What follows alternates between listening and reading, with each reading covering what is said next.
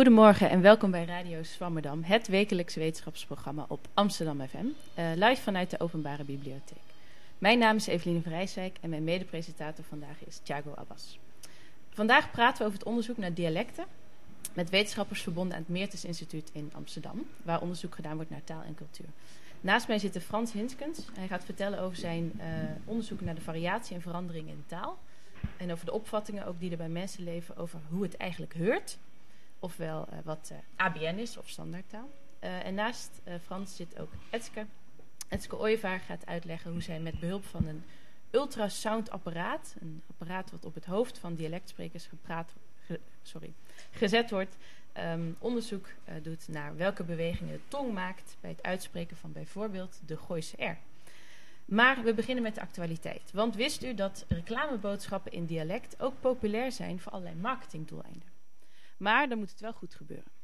En daar ging het vorige maand mis. Want een bekende grootgutter die prees zijn uh, bezorgservice aan in, uh, buiten, in een buitenreclamecampagne in het dialect van de plaats waar de reclame hing. Dus de bedoeling was dat Groningers het in het Gronings zouden lezen en Friezen in het Fries. Maar daar ging het mis, want de posters in het Fries kwamen terecht in Groningen.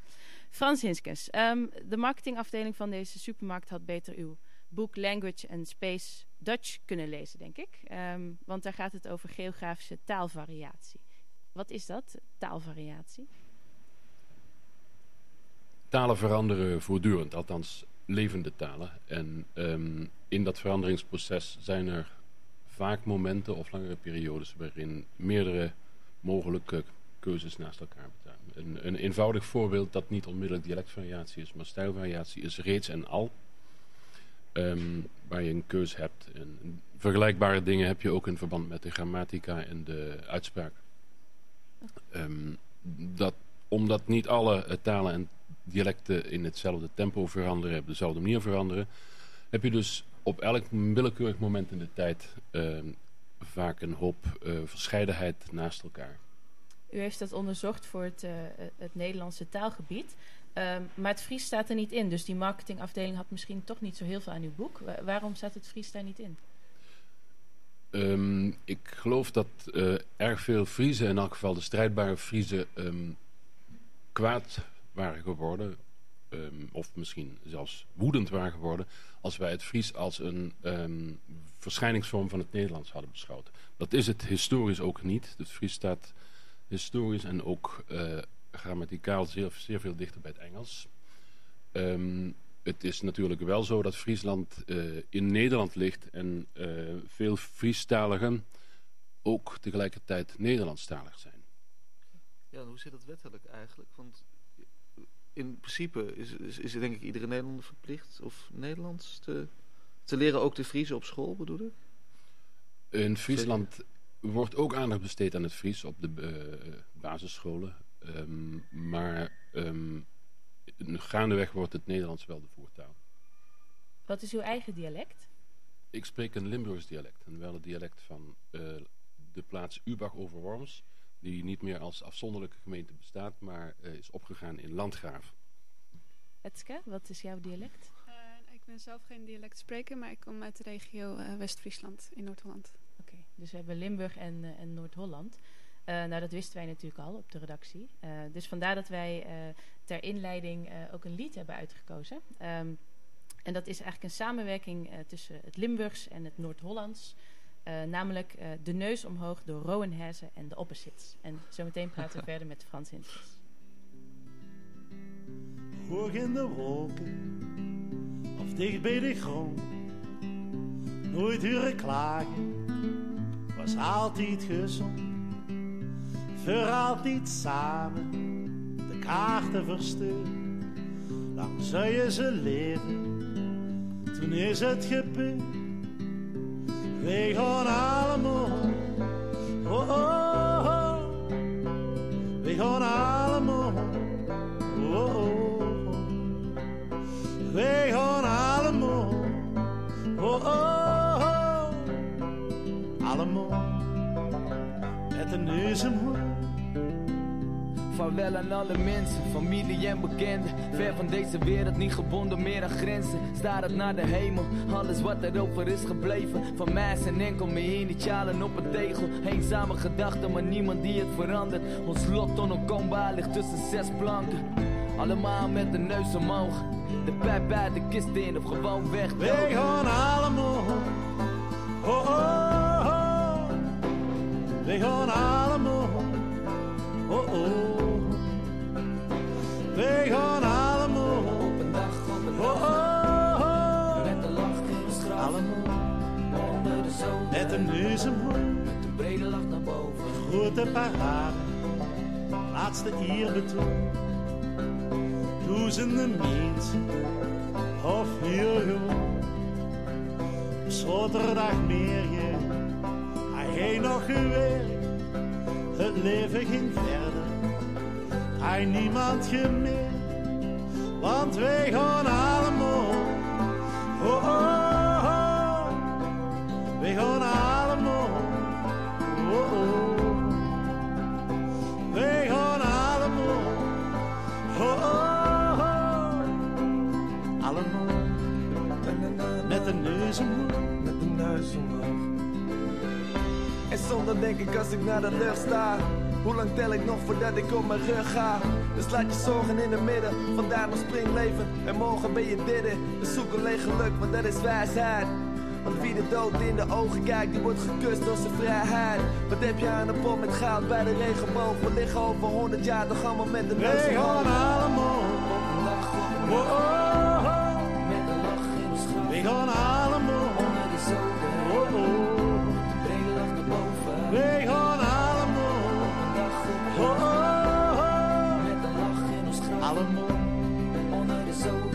Omhoog. Met de brede lach naar boven. Allemaal. Onder de zoden. Met de neus. Met de brede lach naar boven. Allemaal. Met de neus.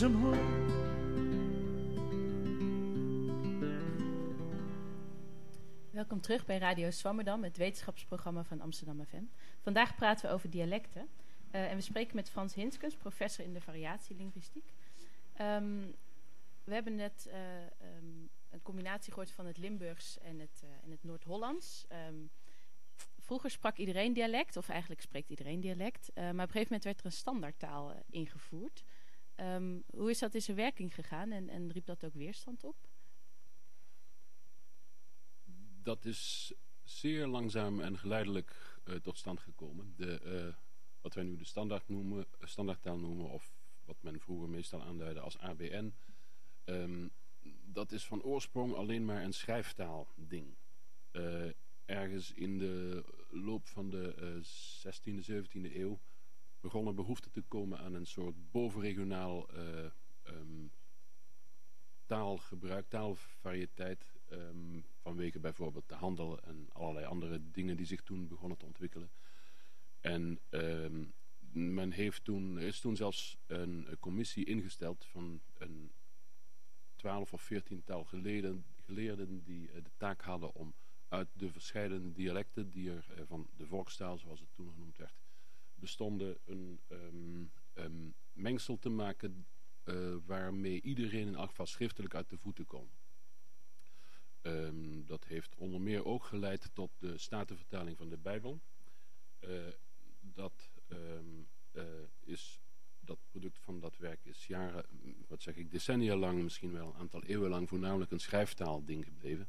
Eh, en in de loop van de 19e eeuw, toen het onderwijs langzamerhand opengebroken werd, gedemocratiseerd werd, eh, vond de, die, dat toenmalige ABN of standaard Nederlands een weg eh, langzamerhand naar de massa's. Inmiddels spreken de meeste mensen wel min of meer standaard Nederlands. Sommigen spreken, naar ze zelf althans beweren, alleen nog maar Nederlands en verder geen dialecten of een andere kleuring van het Nederlands. Ja, want de term ABN, dat, dat eh, mag niet echt meer, hè? Het beschaafde U eraan. mag het wat mij betreft noemen wat, zoals u wilt. Dat kan, die vrijheid heeft iedereen uiteraard. Maar er is al in de jaren 30 van de vorige eeuw door Kloeke, Gessinus Kloeke, een, een toen heel belangrijke en beroemde taalkundige, opgewezen dat er, en hij had volkomen gelijk, eh, in zichzelf helemaal niets eh, beschaafd is aan de manier waarop eh, de beschaafden, zoals ze zichzelf beschouwden, de standaardtaal uitspraken of het Nederlands uitspraken. Ehm, de meeste taalkundigen vinden dat ook al lang, vandaar dat wij de aanduiding ABN ehm, vermijden.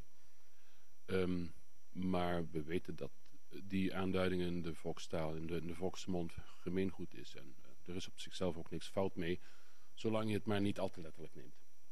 Maar even, kun je dus zeggen dat, dat, dat die standaardtaal, dat die echt eigenlijk een gevolg is van veertien wetenschappers die bij elkaar kwamen en dachten, nou, zo en zo zit het Nederlands in elkaar en zo gaan we het spreken. Ja, ja, zo is het inderdaad in zijn werk gegaan. Ehm, je kunt de, eh, het Nederlands vergelijken met een omelet. Je moet als je een omelet wilt maken, moet je een stel eieren breken en door elkaar hutselen. En gaat nog wat melk in en kruiden naar smaak. Ehm, en als je dat dan eh, in een pan gooit en flink bakt en ook laat souffleren, opblazen, dan krijg je iets dat vergelijkbaar is met de standaardtaal. En nu bent u vooral geïnteresseerd ook in, in de variatie in taal en, en verandering. Want variatie en verandering is niet hetzelfde. Wat, wat is daar het verschil tussen? En wanneer kunnen we zeggen, nou de taal is nu echt veranderd? Ehm, Dat zijn een hoop vragen tegelijkertijd. Eh, laat ik beginnen met de laatste. Eh, je kunt zeggen dat de zaak veranderd is als de oude opties, de oude mogelijkheden niet langer gebruikt worden. Ehm, dat is dus met andere woorden een historisch iets. Als je het moment X in de tijd vergelijkt met een moment Y die dat, dat daar veel eerder aan, eh, aan vooraf gaat, dan kan je vaststellen dat iets al niet veranderd is. In de tussentijd, in de periode tussen y en x, eh, bestaan beide de oude en de nieuwe eh, opties, de oude en de nieuwe varianten, zoals wij dat noemen, naast elkaar. En dan noem je dat variatie. Ehm, er ging nog een vraag aan vooraf, maar die ben ik even kwijt. eh, die ben ik nu ook kwijt natuurlijk. Ehm, nou, ik vraag me af wanneer het, eh, ehm, eh, het dus veranderd is. Eerst is het variatie en, en daar is dus een verschil tussen. Maar dat heeft u eigenlijk wel genoemd. Hoe, hoe, hoe kunt u dat dan onderzoeken? Hè? Die variaties in taal. Eh, ongeveer eh, in de lijn van de, de mogelijkheden die ik net al een beetje schetste. Eh, wat je kunt doen is ehm, proberen ehm, ehm, staaltjes te vinden van taalgebruik van een bepaalde groep in een bepaalde regio van een x aantal generaties geleden. En dat systematisch gaan vergelijken met het taalgebruik van dezelfde groep in dezelfde plaats of regio nu. Ehm, en dan kijken wat er gelijk is gebleven en wat er misschien veranderd is. Ehm, dat noemen we met een um, duur woord diachronisch onderzoek. Dus je kijkt door de tijd heen. Ehm, dat veronderstelt dat je oud materiaal hebt dat zich perfect laat vergelijken met wat je nu kunt onderzoeken. Ehm, dat is niet altijd het geval. We kunnen bijvoorbeeld niet terug naar de 17e eeuw om eens te luisteren hoe daar toen eigenlijk de twee klanken van het Nederlands uitgesproken werden. Dat zouden we graag weten. Ehm, maar wat je ook kunt doen als je wat ehm, je eh, tijdslat wat minder hoog legt, wat minder ver terug wilt kijken eh, en misschien meer wilt zoeken naar dingen die sneller veranderen, zoals spraakklanken, eh, is op één en hetzelfde moment eh, leden van verschillende generaties, sprekers van hetzelfde, bijvoorbeeld dialect, met elkaar vergelijken. Ehm, het eh, op één en hetzelfde moment onderzoeken van een taalsysteem noemt men synchronisch. Dus je hebt de gelijke tijd, het gelijke tijdsmoment. Ehm, en ehm, binnen op hetzelfde moment kan je vaak ook leeftijdsvariatie ehm, vinden. Dus het feit dat oudere mensen eerder geneigd zijn om oudere eh, ehm, opties te kiezen. Bijvoorbeeld de ei zoals ik die nog uitspreek. Ik ben dan ook al wat ouder. Eh, terwijl je dan ziet dat eh, leden van jongere generaties soms eerder I zeggen. Blijf bij mij. En is de kans groot dat ze dat dan blijven doen? Of als ze wat ouder worden, dat ze dan ook kiezen weer voor de ei? Goed punt. Ehm, soms zie je inderdaad dat de dingen in de loop van de jaren eh, eh, afzweten, zoals je dat zou kunnen noemen. De, eh nagelang je ouder wordt en misschien ook een andere rol krijgt in de samenleving, ga je weer wat meer in het gareel lopen.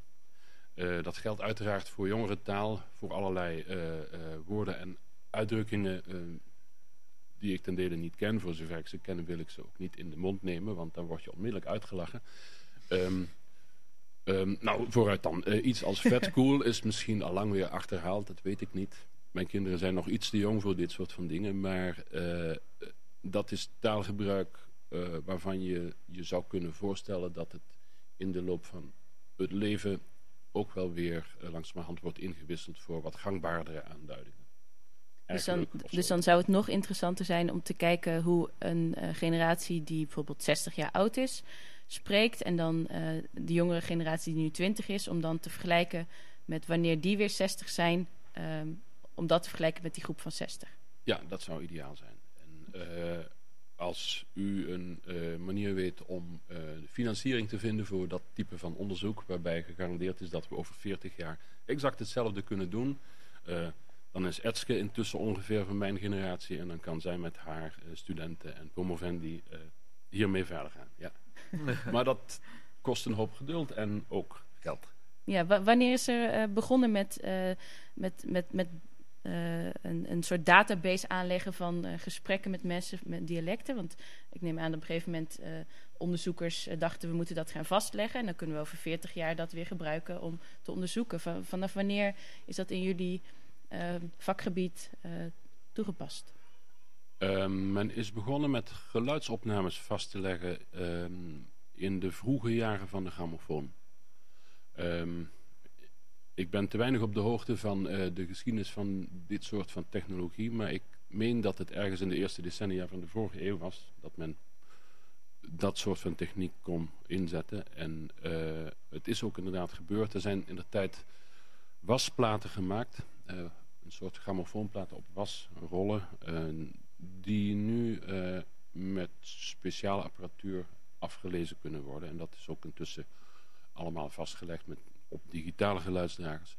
Um, in de loop van de jaren zijn daar reguliere grammofoonplaten bijgekomen, maar ook bijvoorbeeld magneetbanden voor um, um, bandrecorders, cassette recorders en nou ja, dat werd mp3 en noem maar op. dat is hoe langer hoe uh, eenvoudiger en ook goedkoper geworden en het wordt, die technologie wordt ook hoe langer hoe gewoner gevonden. Maar tot ergens halverwege de jaren 70 was het een zeer dure en uh, arbeidsintensieve aangelegenheid. Maakt u ook gebruik van um, binnen uw vakgebied uh, van vergelijkingen met andere talen in Europa? Dus dat er um, de variatie in taal ook vergeleken wordt met de variatie in, in landen om ons heen en, en hoe dat met elkaar beïnvloed wordt? Ja, dat doen we um, in het Meertens Instituut niet noodzakelijkerwijs stelselmatig. Want het, het Meertens uh, doet onderzoek in verband met het Nederlands, de Nederlandse taal en zijn verschillende verschijningsvormen. En ook de Nederlandse cultuur, volkscultuur en zijn verschillende verschijningsvormen. Um, maar zo nu en dan maken we wel eens een uitstapje, in elk geval uh, in onze hoofden, uh, op papier, in uh, ons onderzoek. Um, en je zou dat bijvoorbeeld kunnen doen. Ik noemde net al even de twee klanken van het moderne Nederlands. Dus dat zijn de ei, de ui en de au. Als in ijs, uit en mouw bijvoorbeeld. Of noem maar. We hebben honderden woorden van dat type. Met zulke klanken. Um, de ei en de au zijn twee klanken die je ook in het Duits en het Engels vindt. Althans, de twee klanken die daar erg op lijken. En die ook historisch identiek zijn. Um, en als je de huidige ontwikkelingen in verband met de verlaging van de ei tot ai, ik noem dat straks al even, of au tot au, vergelijkt met wat je in het Duits en het Engels vindt, dan kun je vaststellen dat het Nederlands op dat punt achterloopt. Uh, dat is niet erg, want wij kunnen ons met die, konden ons tot nog toe prima redden met ei en au, maar het wordt nu langzamerhand de ai en de au als je bijvoorbeeld vindt in het Duitse ijs en house en het Engels iden Eisenhouse. Je noemde het de verlaging van de ei. Uh, is, is, is, wat betekent verlaging in deze context? Ja, sorry, dat was een, uh, een vaktaalbegrip. Met verlaging bedoel ik eenvoudigweg dat de, de tong een beetje lager zit in de mond wanneer je die, het eerste stukje van die twee klanken uitspreekt. Dus de e noemen wij hoger dan de a bijvoorbeeld en de o noemen we hoger dan de a. en daarom dus ook de um, is, la, is, la- is lager dan de e en, enzovoort. In de uitspraak gewoon... eh, Inderdaad. ja. Je maakt je mond wat groter, wat verder open en daardoor eh, komt die klank ook letterlijk een beetje lager in je eh, mondholte terecht. Ja, maar dat- is eigenlijk het, het domein van Etske. Die weet daar veel meer vanaf. Dat wordt de, de cliffhanger. Eh, voordat we eh, daar naartoe gaan, ehm, vroeg ik me ook nog af. eh, u houdt zich ook bezig met de opvattingen die er leven eh, over dialecten en over klanken en over uitspraken. U heeft ook eh, recent met Hans Bennis een artikel geschreven over wat nou goed en fout Nederlands is. Hè. Mag je zeggen hij heb en hun hebben en een aardige meisje? Ehm, daar is de associatie met dialecten ook weer belangrijk. Hè? Of mensen dat eh, goed eh, of fout Nederlands vinden. Eh, kunt u daar wat over vertellen? ja, voor een aantal van die verschijnselen is de associatie met dialect van belang. Ehm, dat geldt bijvoorbeeld voor hij heb, of zij heb, of Piet heb, voor Piet heeft, zij heeft enzovoort. Ehm we weten, dat kun je hier in Amsterdam eh, bijna elk moment van de dag eh, om je heen horen, eh, dat heb voor derde persoon enkelvoud, dus hij, zij, Marietje, noem maar op, de gangbare keuze is in de min of meer ongedwongen omgang.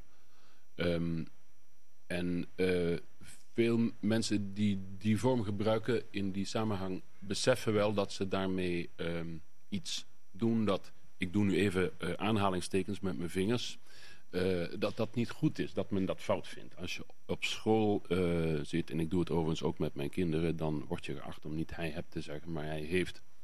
Ehm, dat feit maakt dat ehm, inderdaad het feit dat het regionaal is, dat het als dialect, dialectisch wordt beschouwd, ehm, dat maakt dat mensen daarop neerkijken. Ehm, we gaan eh, naar de cliffhanger, maar eerst eh, een liedje, vertolkt door eh, Jacques Brel. En Jacques Brel zingt hier in het, in het Nederlands en dat doet hij met een prachtig accent. Dus eigenlijk aan de gasten is nu de taak. Let u op de uitspraak en vooral de letters L en R, want daar gaan we zo over verder praten met Etske Ooyevaar. Wanneer de Noordzee koppig breekt aan hoge duinen en witte vlakken schuim uiteenslaan op de kruinen, wanneer de Norse vloed beugt aan een zwart basalt en over dijk en duin de grijze nevel valt. Wanneer bij het strand woest is als een woestijn en natte westenwinden gieren van venijn, dan vecht mijn land, mijn vlak land. Wanneer de regen daalt op straten, pleinen, perken, op dak en torenspits van hemelhoge kerken, die in dit vlakke land de enige bergen zijn. Wanneer onder de wolken mensen dwergen zijn, wanneer de dagen gaan in domme regelmaat en borre oostenwind het land nog vlakker slaat, dan wacht mijn land mijn vlak land.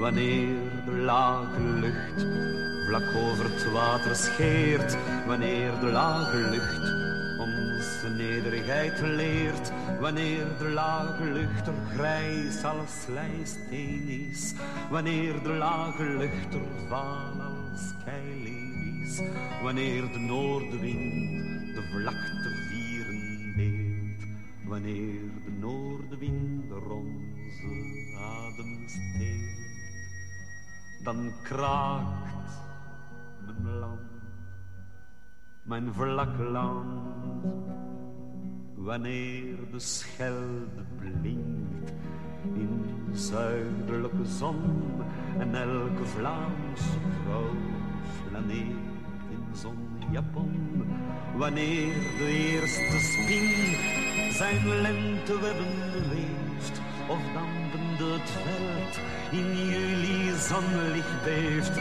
wanneer de zuidenwind er schatert door het kraan, wanneer de zuidenwind er jubelt langs de baan, dan juicht mijn land, mijn vlak land.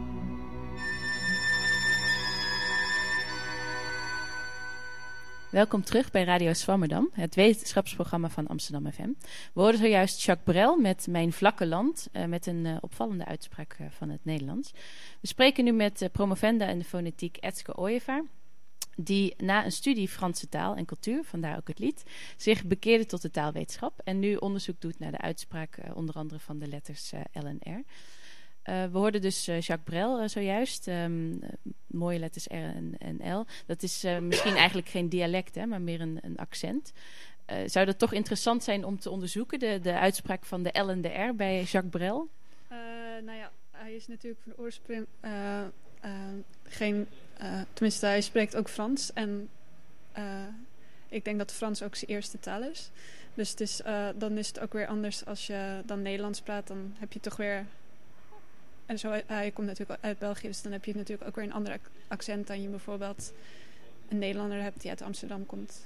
Bijvoorbeeld. Ja. En alleen Nederlands spreekt. Ja, misschien praten we wel Walloons. Of Waals. Nee, Waals noem je dat, hè? Ja. En is, is, is er ook een duidelijk verschil tussen Waals en het Franse Frans? Of, uh, ja, het, het, um, het, de uitspraak is denk ik ook wel anders. Uh, en waarschijnlijk zullen ze ook wel andere woorden gebruiken, maar ik heb er niet ja, heel erg in verdiept. Ja, maar dan, dan, zouden we wel kunnen kijken naar uh, hoe een, een, iemand die bijvoorbeeld uit een ander land komt, een, een, in een taal een bepaalde klank uitspreekt. Dat zou, daar zou je dan op in kunnen zoomen. Ja. Ja, um, ja je doet dus onderzoek naar, uh, naar de letters uh, L en R. Um, hoe onderzoek je dat? Um, waar gaat jouw proefschrift over? Uh, nou, ik doe onderzoek naar de articulatie en de uitspraak van de L en de R. Dus ik um, uh, meet dus uh, bijvoorbeeld de tongbewegingen van mensen die woorden uitspreken. En dat doe ik door middel van ultrasound. En dat is een soort echografie, wat ook wel wordt gebruikt bij ehm, bijvoorbeeld om baby's te laten zien die nog niet geboren zijn.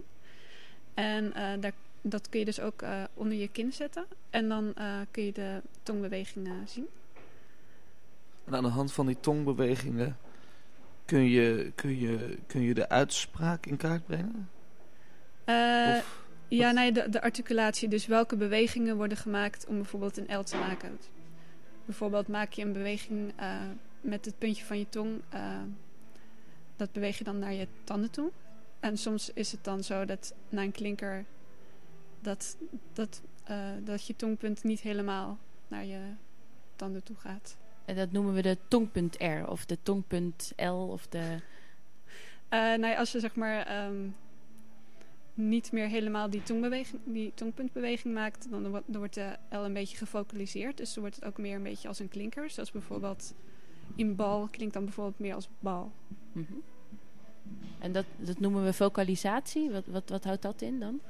Uh, dan wordt uh, de, de L bijvoorbeeld krijgt dan meer um, eigenschap als van een klinker. Dus uh, je hoort niet meer dat het een, echt een medeklinker is, maar het smelt een beetje samen, samen met de, de klinker. Dus dan krijg je meer een auw-achtige klank, of au, dan dat je echt een medeklinker nog hoort. En, en waar, uh, van waar jouw interesse in vocalisatie? Wat zegt dat over onze taal? Uh, nou, ik vind het wel interessant bijvoorbeeld omdat woorden dan ook meer op elkaar gaan lijken. En um, wat dan nog de verschillen zijn tussen uh, bijvoorbeeld een woord uh, waar wel en geen R in zit, zoals bijvoorbeeld kaas en kaars. Kaas en kaars, ja, ja. dat is heel duidelijk. Uh, ja, inderdaad. Dan kijk ik dus welke akoestische eigenschappen, dus bijvoorbeeld, nou, zie, zie je nog in een, als je geluid zichtbaar maakt met bepaalde software, um, zie, zie je dan nog kenmerken van de R. En wat is dan het verschil tussen woorden waar wel en geen R in zitten, bijvoorbeeld?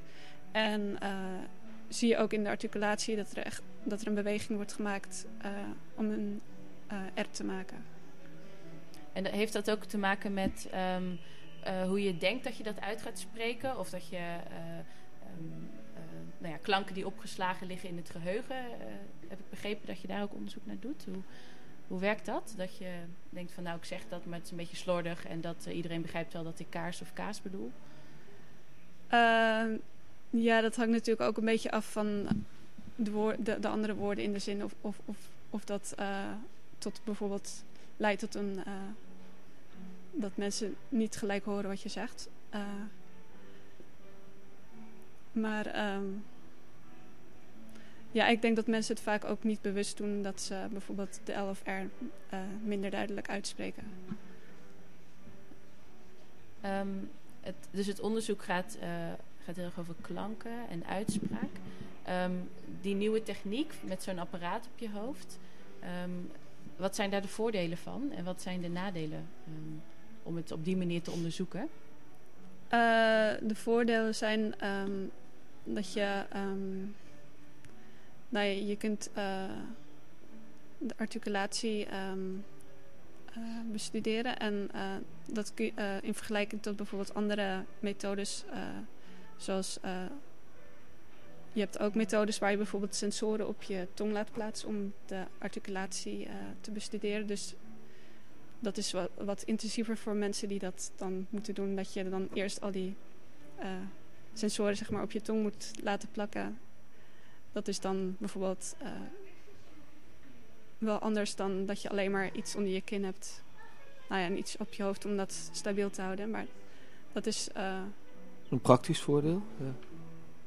Ja. Maar, maar minder nauwkeurig, zo'n apparaat op je hoofd, dan, dan met die sensoren op je tong? Zo, meet dat nauwkeuriger? Of, ehm, of is het gewoon een andere, levert het andere resultaten? Ja, het is sowieso een andere resultaat. Omdat je ehm, bij, de, bij die andere methode zie je de, ehm, meer de bovenkant van de tong.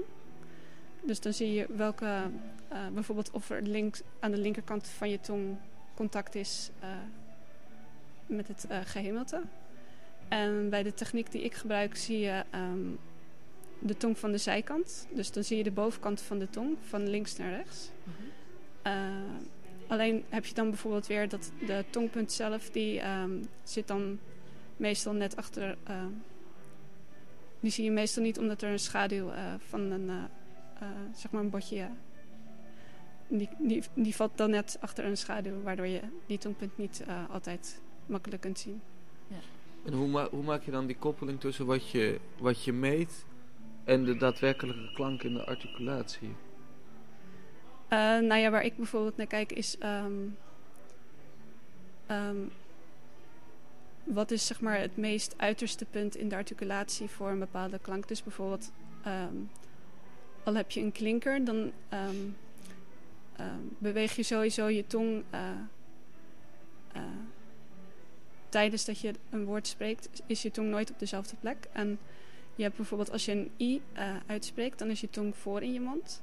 Dus dan kijk ik bijvoorbeeld wanneer is de tong voor, helemaal voor in de mond. Of ja, ook, ook hoger, omdat de tong voor de i ook hoog in de mond zit. Van wat is dan de hoogste eh, plek waar de tong zich bevindt. En als, eh, als proefpersonen heb je gekozen voor Volendammers. Ehm, we gaan even luisteren naar een, eh, een fragmentje eh, uit de dialectendatabank. Want Meertens Instituut heeft een hele mooie eh dialectendatabank. Ehm, van iemand die in 1977 op bezoek gaat bij Volendammers. En dan ook opnames maakt over hoe die Volendammers praten. En dan willen we na dat fragmentje even horen waarom je nou in godsnaam die Volendammers eh, eh, wil onderzoeken. En, en luister dus ook hier weer naar de L en de R, eh, onze luisteraars. Wij zeggen zo min mogelijk. Je hoeft niet echt heel erg na te denken. Zeg gewoon even een ommaat opproberen. Maar ja. Nou, hoe voel je de wedstrijd, Guster? Ik vond het, eh, Peter Ook lang niet het beste spel geweest. Nou, volgens mij is het zo dat eh Telstar speelde eh, ontzettend krampachtig en ontzettend vuil op de bal. Wat, denken jullie ervan? Ja, dat was ook wel, maar ik vond dat het spe- een paar spelers wel erg tweede maand vielen. Ja, ja, maar dat kwam ook Ja. door het gladde veld. Ja. Ja, het veld is natuurlijk erg zwaar, erg slecht. Want als je nou zag, sommigen die vielen met het minst of geringst al op een gat. Ja. Een klein stukje eh, Volendams over, over Telstar. Ik hoop dat ik het goed uitspreek. Ehm, je gaat dus met dat apparaat ga je, de, ga je eh, naar die mensen toe en die eh, zet je op hun hoofd. En dan ehm, moeten ze maar praten over voetbal bijvoorbeeld. Of wat laat je ze doen? Nou ja, tijdens dat ze ehm, die helm op hebben voor de ultrasound, laat ik ze een, twee teksten voorlezen van twintig zinnen. Die eh, wordt dan een aantal keer herhaald en die lezen ze dan voor. Eh, en verder doe ik ook nog een eh, deel zonder ultrasound, maar waarbij ik wel hun uitspraak opneem. Dat ze bijvoorbeeld plaatjes benoemen en nou ja, nog meer zinnen voorlezen. Of, en ook dat ehm, twee mensen die een, samen een gesprek voeren. En waarom die verschillende taken? Is dat, verwacht je dan andere tongbewegingen of andere uitspraken? Of, ehm, Eh, ja, je ver- verwacht wel dat eh, als er ehm, bijvoorbeeld een formelere situatie is, bijvoorbeeld dat je echt een tekst voorlezen, dat ze dan ehm, nou ja, meer op hun uitspraak letten dan bijvoorbeeld in een spontaan gesprek. Dat is echt heel informeel. en waarom Volendams? Dat is ook de vraag natuurlijk. Eh, ja, ik kom zelf uit eh, Noord-Holland, dus ik ben inderdaad geïnteresseerd in eh, Noord-Hollandse dialecten. En eh, aan het Meertens Instituut is ook eh, onderzoek gedaan door eh, Jacques van Ginneken naar eh, Waterlandse dialecten. En eh, nou, het is wel interessant om een vergelijking te maken met een eerdere beschrijving van een dialect, om te kijken of je dan nog dezelfde kenmerken kunt vinden, bijvoorbeeld. Dan is het eigenlijk jammer dat, dat Jacques van Ginneken nog niet zo'n ultrasoundapparaat natuurlijk had. Ja, wat dat betreft wel, ja. Ja, oké. Ehm, ja, we hoorden dus net dat fragment eh, met die R en die L'en en, en die, eh, eh, die vocalisatie. Ehm, ik las ook ergens dat de taalkundige Hans van der Velde ook in radioopnames, dus Thiago en ik moeten ook netjes praten, eh, heeft onderzoek gedaan naar het, het, de veranderende klanken in de uitspraak van, van Nederlandse radiopresentatoren. W- wordt er op dit moment veel onderzoek gedaan naar, eh, eh, naar de R en de L? Eh, zijn er andere mensen mee bezig? Of, of andere klanken? de letter S of de A of de O? Wat, wat is de stand van zaken in het, in het onderzoek hierover? En worden dan bijvoorbeeld ook die radiopresentatoren of die bestaande databases gebruikt? Nou, je hebt bijvoorbeeld een conferentie, die heet Erratics en die gaat speciaal over de R. Eh, Kijk. Mooi echt. Maar eh, ik was dus op de afgelopen eh, eh, conferentie zeiden ze wel ehm, dat, ze- dat ook ehm, als mensen het over de L en de, de R en, en de L willen hebben, dat kan ook. En ik geloof dat er ook, maar ik- dat weet ik niet meer zeker, of er was ook volgens mij wel een idee om ook in ieder geval de L er ook in eh, te betrekken. Dus. En waarom eigenlijk specifiek deze klanken, de R en de L? Nou, bijvoorbeeld de R. Eh, daar, daar is bijvoorbeeld in Nederland al heel veel variatie in de uitspraak. Dus je kunt bijvoorbeeld de R achter in je keel uitspreken of eh, met een tongpunt maken. En doordat er zoveel variatie is, ehm, is het interessant om te kijken wat maakt een R een R. Wa- waarom eh, eh, zien mensen het toch als één klank? Terwijl er zoveel verschillende manieren zijn om hem uit te spreken. Oké, dus, dus, dus eigenlijk de meeste... omdat er de, in die klank de meeste diversiteit zit... vergelijkbaar met de andere letters van ons alfabet. Ja, En gaan we straks allemaal met de Gooise R praten? Is dat het, eh, de verwachting? Eh, nou ja, het is natuurlijk moeilijk om te voorspellen hoe mensen over eh 20 jaar of 50 jaar praten. Maar ja, op eigen observatie denk ik wel dat, dat die Gooise er wel, eh, wel vaker wordt gebruikt dan, dan voorheen. Dus wel ook een meerdere. eh, nou ja, niet bijvoorbeeld alleen nog in het gooi bijvoorbeeld. En dat heeft dan te maken, denk ik, met een positieve associatie met, met die Gooise R. Waarom nemen andere eh, regio's anders die, eh, die R over? Eh, ja, dat eh, zou kunnen inderdaad. Dat eh, positief inderdaad over gedacht wordt en dat mensen dan overnemen inderdaad. is dat Ehm, ook onderzocht of niet? Dat... Ehm, Valt misschien buiten je onderzoek. Maar eh, nou, René van Bezooyen heeft eh, wel eh, onderzoek gedaan naar perceptie eh, van de R inderdaad. In verschillende eh, plaatsen in Nederland. Ehm, we gaan straks samen met Frans Inskens eh, verder praten over de stand van eh, wetenschap eh, in het dialectonderzoek. Eh, maar voordat we dat doen, eh, gaan we luisteren naar eh, een prachtig lied van Daniel Logus. Hier kom ik weg. Ehm, waarin ook blijkt dat, uh, dat dialect en identiteit natuurlijk uh, nauw verbonden zijn met elkaar.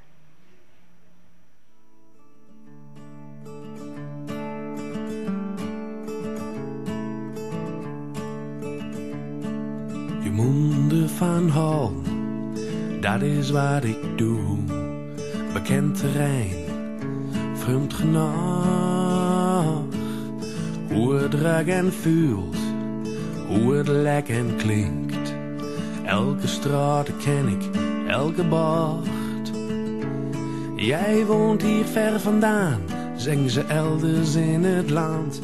Dan zeg ik insgelijks u ook uitzien van deze kant.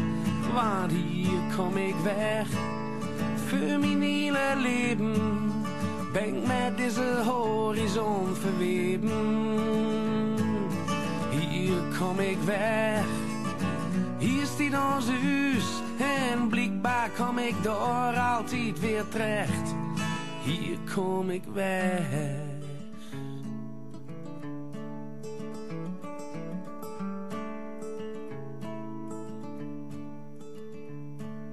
Hier ben die paar mensen, zonder wie het niks is. Bekend gedrag, vreemd genoeg. De wiede wereld is er wel, via draad en golven. Waarmee ik vaak nog groenigers heb zocht. Die verste vetten wil ik altijd wel heen. Maar dat gevoel draait zich weer om, zo gauw als ik daar ben. Hier kom ik weg, voor mijn leven.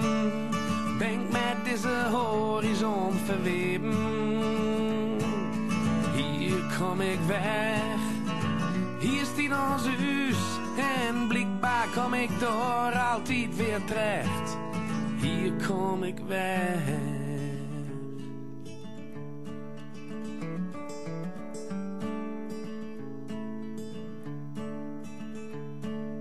Ruimte smoort drakte, stilte geeft rust. Ik ben me er niet alle dagen helemaal van bewust. Hoe graag ik hier mag wezen, groentesoep met worst. Leven hier helpt net zo goed als drinkt in de dust.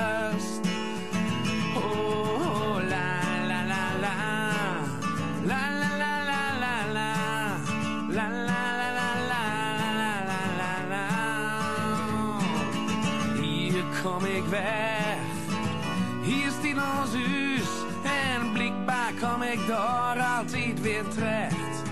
Hier kom ik weg. Hier kom ik weg. Mm, hier kom ik weg. Mm.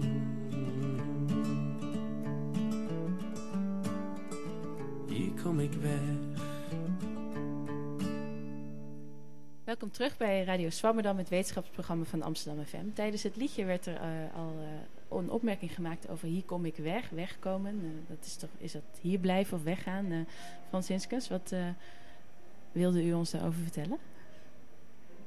de tekst herinnerde mij aan een passage in een wetenschappelijke verhandeling van Albert Sasse, um, hoogleraar Nederlandse taalkunde aan de Universiteit van Groningen tot ergens halverwege de jaren 70 um, of misschien zelfs later. En uh, in die tekst uh, gebruikte hij overigens in verband met uh, taalvariatie en dialectverschijnselen en wat men wel aanduidde als provincialisme, ehm, zonder dat als voorbeeld te bedoelen de aanduiding waar iemand wegkomt.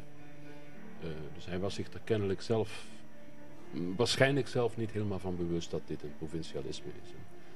Dus Nogmaals, er is ook niets mis mee, maar uh, je kunt zien hoe uh, diep dingen geworteld kunnen zijn. En dat ook mensen die uh, ervoor betaald worden om daarover na te denken, zich er niet altijd van bewust zijn hoe specifiek bepaalde verschijnselen kunnen zijn.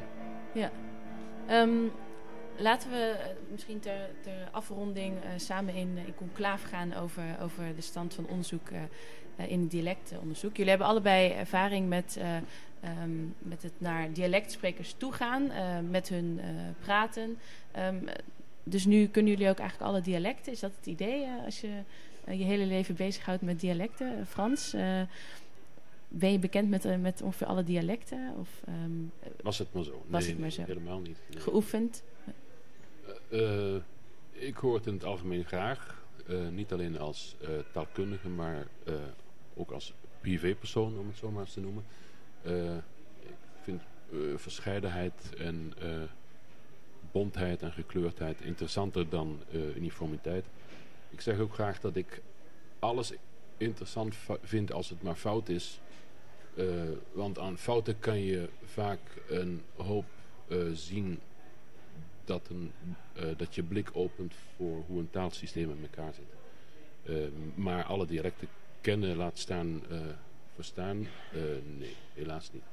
Eh, als ik nog een paar honderd jaar kan leven, dan kom ik misschien een eindje. Maar Hoeveel dialecten kent het Nederlands eigenlijk? Weten we dat of niet? Ehm, dat valt niet te bepalen, want eh, ehm, het klinkt misschien wat flauw, maar het, het is echt een kwestie van definitie. Wat, wat versta je onder dialect? Eh, eh, elk dialect kent, ook de moderne Nederlandse dialecten, weer een geweldige interne verscheidenheid en variatie. En eh, wil je eh, elke verschillende manier van het uitspreken van de L of R eh, weer tot een ander dialect rekenen of niet. Ehm, je zou kunnen zeggen hoeveel verschillende dialectgroepen zijn er in het Nederlands. En die vraag valt wat makkelijker te beantwoorden. Want dan worden er zo'n zes onderscheiden. We hebben het dan over twee typen van Vlaamse dialecten. West-Vlaams en Oost-Vlaams. Eh, die behoren uiteraard tot dezelfde groep, maar zijn zeer verschillend van elkaar. Eh, Brabants, Limburgs, de Hollandse dialecten. Hollands in de engere zin. En tenslotte de Neder-Saxische dialecten. Dus dat zijn de dialecten die in pakweg eh, een deel van Gelderland, Overijssel, Drenthe, Groningen gesproken worden. En ik noem met opzet niet Friesland, want daar spreekt men Fries en ook variëteiten van het Nederlands. Dus het aantal verschillende groeperingen van dialecten, is, daar is overigens ook weer veel debat over. Ehm, maar laat zich iets makkelijker vaststellen, het aantal verschillende dialecten. Want hoe tel je dialecten per plaats of per groepering binnen een plaats? Ja, in de Nederlandse Antillen worden helemaal niet, helemaal niet genoemd hè, als dialect dan. Ik weet niet of het... Zo- ja, weet ik niet. Die spreken natuurlijk ook een apart taaltje. Eh, zeker, ja. Eh, er nog zijn daar ook veel mensen die eh, Nederlands als moedertaal hanteren. Niet alleen de Nederlanders die zich daar om, hoe zal ik het noemen, fiscale redenen gevestigd hebben. Ehm, maar ook mensen die er geboren en getogen zijn. En ook mensen met een niet-Hollandse achtergrond. Ik zal maar zeggen, de niet-kaaskoppen in, in de Antillen. Ehm, het is zeker een verscheidenheid van het Nederlands die het moeite, moeite van het onderzoeken waard is. En ik ga bij van spreken morgen al aan, naar de Antillen wanneer ik weet dat ik daar een tijdje lang onderzoek kan doen. en ook een beetje rondkijken. Het is niet, het is niet erg eh, in kaart gebracht, dat is zeker waar. Ja. Eh, naast, naast deze groep, welke andere groepen van dialecten in Nederland zijn eigenlijk nog niet goed onderzocht? Waarvan u zegt, nou dat, eh, daar moet morgen Etske heen met eh het ultrasoundapparaat. Wat, wat wordt na Volendam de volgende stap? Nou ja, er zijn natuurlijk een eh, heleboel eh, dialecten inderdaad. Dus het is eh, moeilijk om alle dialecten inderdaad allemaal eh, uitgebreid te beschrijven. En bijvoorbeeld ook de, de uitspraak van eh, dialecten. eh. ja, ik zou, ik zou het interessant vinden om bijvoorbeeld naar West-Friesland, eh, omdat ik daar zelf vandaan kom, eh, om daar opnames te maken. Maar op zich, ja, in heel Nederland is natuurlijk eh, heel veel variatie te vinden. Dus. Eh, Hoe is een beetje de dialectspreiding van de dialectonderzoekers? Want eh, ik, ik vroeg het van hoe geoefend bent u straks, spreekt u echt alle dialecten. Omdat ik me voor kan stellen dat bepaalde dialectonderzoekers uit Limburg komen of West-Friesland. En dat daar dus heel veel onderzoek naar gedaan wordt. En dat dan het oosten van Nederland er bekaaid van afkomt. Moeten jullie niet allemaal op cursus? Ja, ik ga ook graag morgen meteen op een cursus, eh, als dat kan, als die iets met mijn werk te maken heeft. Eh, ik ben nooit eh, te geleerd om er wat bij te leren. Ehm, maar in de onderzoekspraktijk valt het wel mee hoor. Het is niet dat wij, omdat we bijvoorbeeld een West-Friese of een Limburgse achtergrond hebben, alleen maar aandacht willen besteden aan het West-Friese of het Limburgs. Um, uh, Meertens Instituut uh, uh, heeft onderzoek nu en ook in het verleden naar vrijwel alle, de dialecten in vrijwel alle delen van het Nederlandse taalgebied. En daar heb ik zelf ten dele ook aan bijgedragen. een klein deel, maar nee, het is niet zo dat je alleen je eigen dialect onderzoekt. Hoewel dat soms wel ook wel wat voordelen heeft. Zoals? Um, in uh, moeilijke gevallen kan je uh, zelf vaak makkelijk een uh, beslissing nemen die een buitenstaander niet onmiddellijk kan nemen. Ik noem een voorbeeld. het Limburgs is wat men wel eens aanduidt als een toontaal. dus de, de intonatie waarmee je een bepaald woordje bijvoorbeeld uitspreekt, kan een verschil maken. Um, noem graag het voorbeeld... Um, voor de Limburgse woorden voor arm en armen, de lichaamsdelen, arm en armen. Het ene klinkt als erm, het andere klinkt als erm. De meeste niet-Limburgers zullen dat verschil moeilijk waarnemen. Um, en uh, het komt dan ook wel eens voor dat ik en overigens ook een tweetal andere van oorsprong Limburgse collega's in het Meertens Instituut geraadpleegd worden als het specifiek over dit verschijnsel gaat wat wordt hier nu eigenlijk gezegd en uh, hoe moeten we dat uh, analyseren. Um, dus een voorbeeldje. En ongetwijfeld zijn er vergelijkbare voorbeelden te noemen voor het Westfries.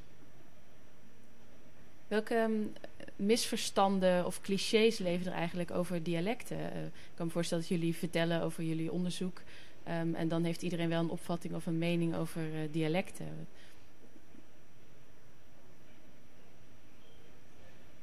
Geen misverstanden? Geen clichés? er zijn er zoveel dat ik graag eerst het woord wil laten. Uh, ja, ik heb niet echt een... Uh, nog niet echt meegemaakt dat we... Nou ja... Misschien dat mensen denken als mensen bijvoorbeeld dialect spreken... dat ze dan uh, een lagere opleiding hebben dan mensen die keurig ABN spreken bijvoorbeeld. Maar een, zijn daar onderscheid te maken in verschillende dialecten? Dat, welke, die... welke het laagst gescoord wordt. Ja. Zo, dat als Limburgers uh, of, of, of, Groningers of Friese dat dat uh, minder intelligent overkomt dan uh, West-Fries. ja, het zou kunnen dat het, hoe meer het op de standaardtaal lijkt, dat hoe, hoe, hoe, hoger mensen denk, misschien denken dat de opleiding zou zijn of zo, bijvoorbeeld. Ja. Tegelijkertijd is het ook zo, en dat komt in onderzoek van het type dat Etske straks noemde, van bijvoorbeeld René van Bezooyen en andere onderzoekers, wel naar voren. Uh, dus mensen die zich niet zozeer bezighouden met taalgebruik als zodanig, maar um, de waarneming en ook de waardering van verschillen in taalgebruik. Uh, je, hoe gelang, naar gelang je dichter bij de standaardtaal staat, bij het Nederlands staat, uh, kun je je minder gekkigheden veroorloven. Dus hij heb, bijvoorbeeld, wordt veel uh, zwaarder um, fout gerekend dan um, hij had, bijvoorbeeld, voor hij heeft in een willekeurig Limburgs dialect. die afstand is zo groot dat men dat niet eens meer waarneemt als een deel van het spectrum aan mogelijkheden dat het Nederlands telt. dus aan de ene kant, hoe verder je er vandaan staat, hoe uh, makkelijker je tegen het uh, misverstand, het vooroordeel aanloopt dat je achterlijk bent als je dat spreekt. Uh, aan de andere kant, nagelang je dichter bij het Nederlands komt en binnen de, binnen de Nederlandse standaardnorm afwijkt van wat men gewoonlijk goed vindt, wordt het ook weer moeilijk, want dan ben je ook een ongeletterde um, kinkel. Mm. Nou, met dus ongeletterde kinkel uh, gaan we afsluiten. Het uur is alweer voorbij gevlogen. Uh, ik denk dat er nog veel uitdagingen zijn voor het uh, dialectonderzoek in de toekomst. Um, ik wil heel graag mijn gasten bedanken, Frans Hinskens en Etske Ooyevaar van het Meertens Instituut. Um, en mijn medepresentator Thiago Abbas natuurlijk. de techniek was Lieven.